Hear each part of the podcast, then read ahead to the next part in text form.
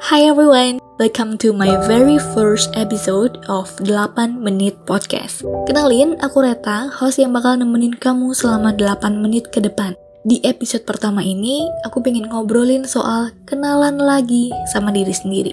Kenapa? Karena disadari atau enggak, sebelum kita mutusin buat kenalan sama orang lain, ternyata masih banyak loh dari kita yang belum bener-bener kenal sama diri kita sendiri. Disclaimer dulu, aku bukan psikolog, bukan psikiater, bukan juga mahasiswa jurusan psikologi ataupun sejenisnya. Di sini aku cuma pengen sharing pengalamanku, pengalaman teman-temanku dan my point of view ke kalian semua. Dan semoga apa yang aku sampaikan ini bisa jadi insight baru buat kamu. Oke, balik lagi ke topik awal kita ya. Pernah gak sih kamu ngerasa hidup ini tuh kok monoton banget gitu? Bawaannya tuh lesu dan gak semangat ngelakuin aktivitas apa pun tanpa tahu alasannya. Nah, hati-hati guys. Kalau kamu pernah ngerasa kayak gitu, bisa jadi kamu belum benar-benar kenal sama diri kamu sendiri dan kamu belum sepenuhnya menyadari tujuan hidup kamu. Satu hal yang harus di-highlight adalah ketika kita udah benar-benar kenal sama diri kita sendiri, itu merupakan titik awal buat menuju kebahagiaan dan kedamaian hidup kita. And ya, sebaliknya, kalau kita belum kenal sama diri sendiri dan belum tahu nih tujuan hidup kita tuh apa, kita bakal lebih sering ngerasa resah, gelisah, dan kayak kehilangan arah. Nah, buat kamu yang sekarang lagi ada di fase untuk kenalan lagi sama diri sendiri, tapi masih ragu dan belum tahu dari mana harus mulainya, gak perlu khawatir, karena aku akan bantu kasih insight ke kamu tentang 8 latihan memahami diri sendiri yang dipopulerkan oleh psikolog klinis Ryan House PhD. Menurut host, sekalinya kita nemuin pola dan kebiasaan yang bisa bikin kita lebih memahami diri sendiri, ke depannya kita bakal lebih mantep mengambil pilihan-pilihan yang beda dari sebelumnya, bahkan yang gak pernah kita ambil sekalipun. Tentu, pasti butuh kerja keras dan keberanian kita buat tanya tentang hal-hal besar dan mendasar ke diri sendiri.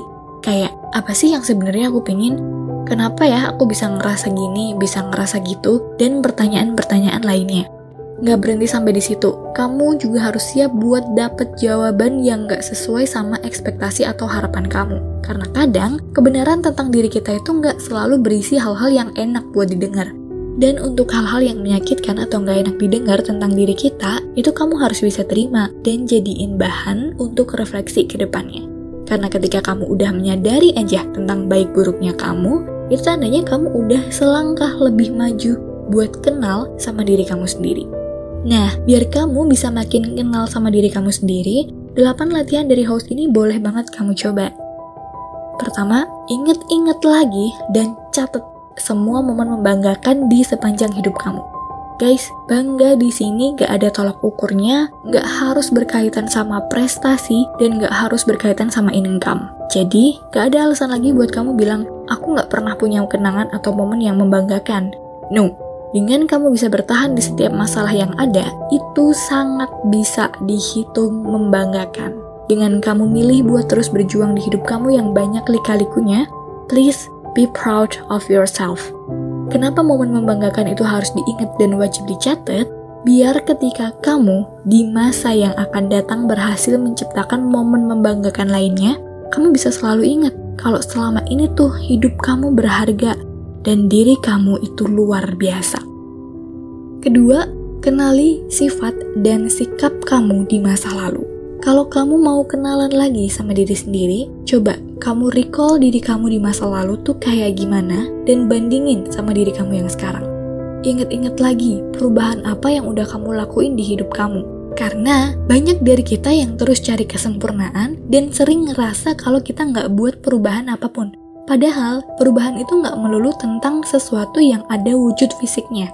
Kadang kita lupa kalau kita udah buat perubahan secara emosional di diri kita yang sekarang. Contohnya apa?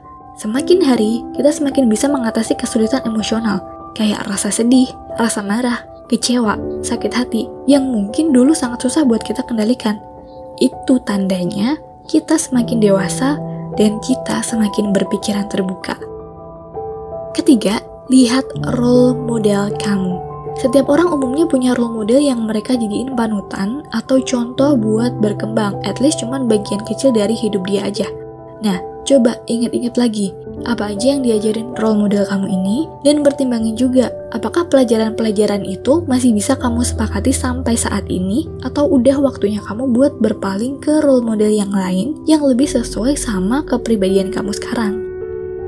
Keempat, minta masukan dari orang yang kamu sayang. Karena kamu lagi ada di fase buat kenalan lagi sama diri sendiri, coba guys, minta masukan dari temen, sahabat, dan keluarga kamu buat ngamatin dan kasih kamu masukan menurut mereka nih, hal-hal apa aja yang bisa bikin kamu seneng, yang bisa bikin kamu tertekan, yang bisa bikin kamu marah, yang bisa bikin kamu sedih, dan lain sebagainya. Tentu, nggak semua yang mereka bilang itu valid ya, karena balik lagi, cuma kamu yang benar-benar tahu tentang diri kamu sendiri. Tapi at least masukan dari mereka bisa bantu ingetin kamu dan bisa bantu kamu buat kenal sama diri kamu sendiri. Kelima, hubungkan diri kamu dengan masa kecilmu. Beberapa dari kita mungkin ngerasa berat ketika diminta buat ngeliat lagi masa kecil kita, entah karena adanya kenangan yang memalukan ataupun kenangan yang menyakitkan. Tapi sesekali kamu perlu buat ngebuka lagi album masa kecil kamu yang mungkin udah kamu tata rapi di gudang atau bahkan ditemukan paling bawah dari barang-barang kamu. Coba cari foto-foto masa lalu kamu dan rasain lagi perasaan yang kamu rasain di momen itu. Tanyain juga ke diri kamu di dalam foto itu, kira-kira apa yang dia pikirin tentang kamu yang sekarang. Aku pun yakin dia yang ada di dalam foto itu pasti bangga ngelihat dirinya yang sekarang udah tumbuh.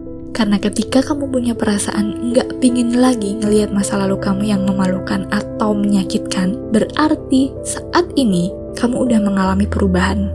Kamu udah berhasil keluar dari momen memalukan atau menyakitkan itu. Sih, Ternyata ada satu lagi kan momen membanggakan hidup kamu. Jangan lupa dicatat ya. 6. Pikirin lagi apa yang jadi kebiasaan kamu. Kebiasaan yang dimaksud adalah tentang hal yang kamu suka lakukan secara berulang. Coba review lagi kebiasaan-kebiasaan itu sifatnya produktif atau malah destruktif sebenarnya selama ini. Selain itu, lihat juga kebiasaan kamu yang lain. Kalau kebiasaan itu ternyata bikin kamu tertekan atau bahkan menderita, Coba deh tanya ke diri kamu sendiri, apa yang bakal kamu lakuin buat bikin perubahan? Nah, dari sini kamu akan lebih bisa kenal dan berani buat mulai nata diri kamu sendiri. 7. Fokus ke hal-hal yang menginspirasi. Coba guys, tanya lagi ke diri kamu sendiri. Kapan kamu ngerasa bebas dan semangat banget, ngerasa excited akan suatu hal?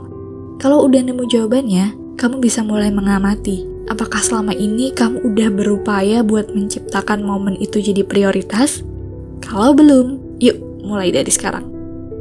Terakhir, tanyakan selalu pertanyaan ajaib ini. Kalau malam ini, ketika aku tidur, ada keajaiban terjadi dan hidupku tiba-tiba jadi lebih baik, kira-kira besok pagi ketika bangun, perubahan apa yang akan langsung aku sadari? Dengan kamu tanya dan jawab sendiri pertanyaan ajaib ini, itu akan bantu kamu mengidentifikasi apa yang benar-benar kamu pingin. Dari situ juga, secara nggak sadar, kamu akan nge-breakdown lagi. Mulai dari gimana cara kamu buat benar-benar ngewujudin apa yang kamu pingin itu, sampai hambatan apa yang mungkin muncul di tengah proses yang lagi kamu jalanin. Dan of course, itu akan bikin kamu jadi lebih kenal sama diri kamu sendiri. Semangat guys, thank you, bye bye.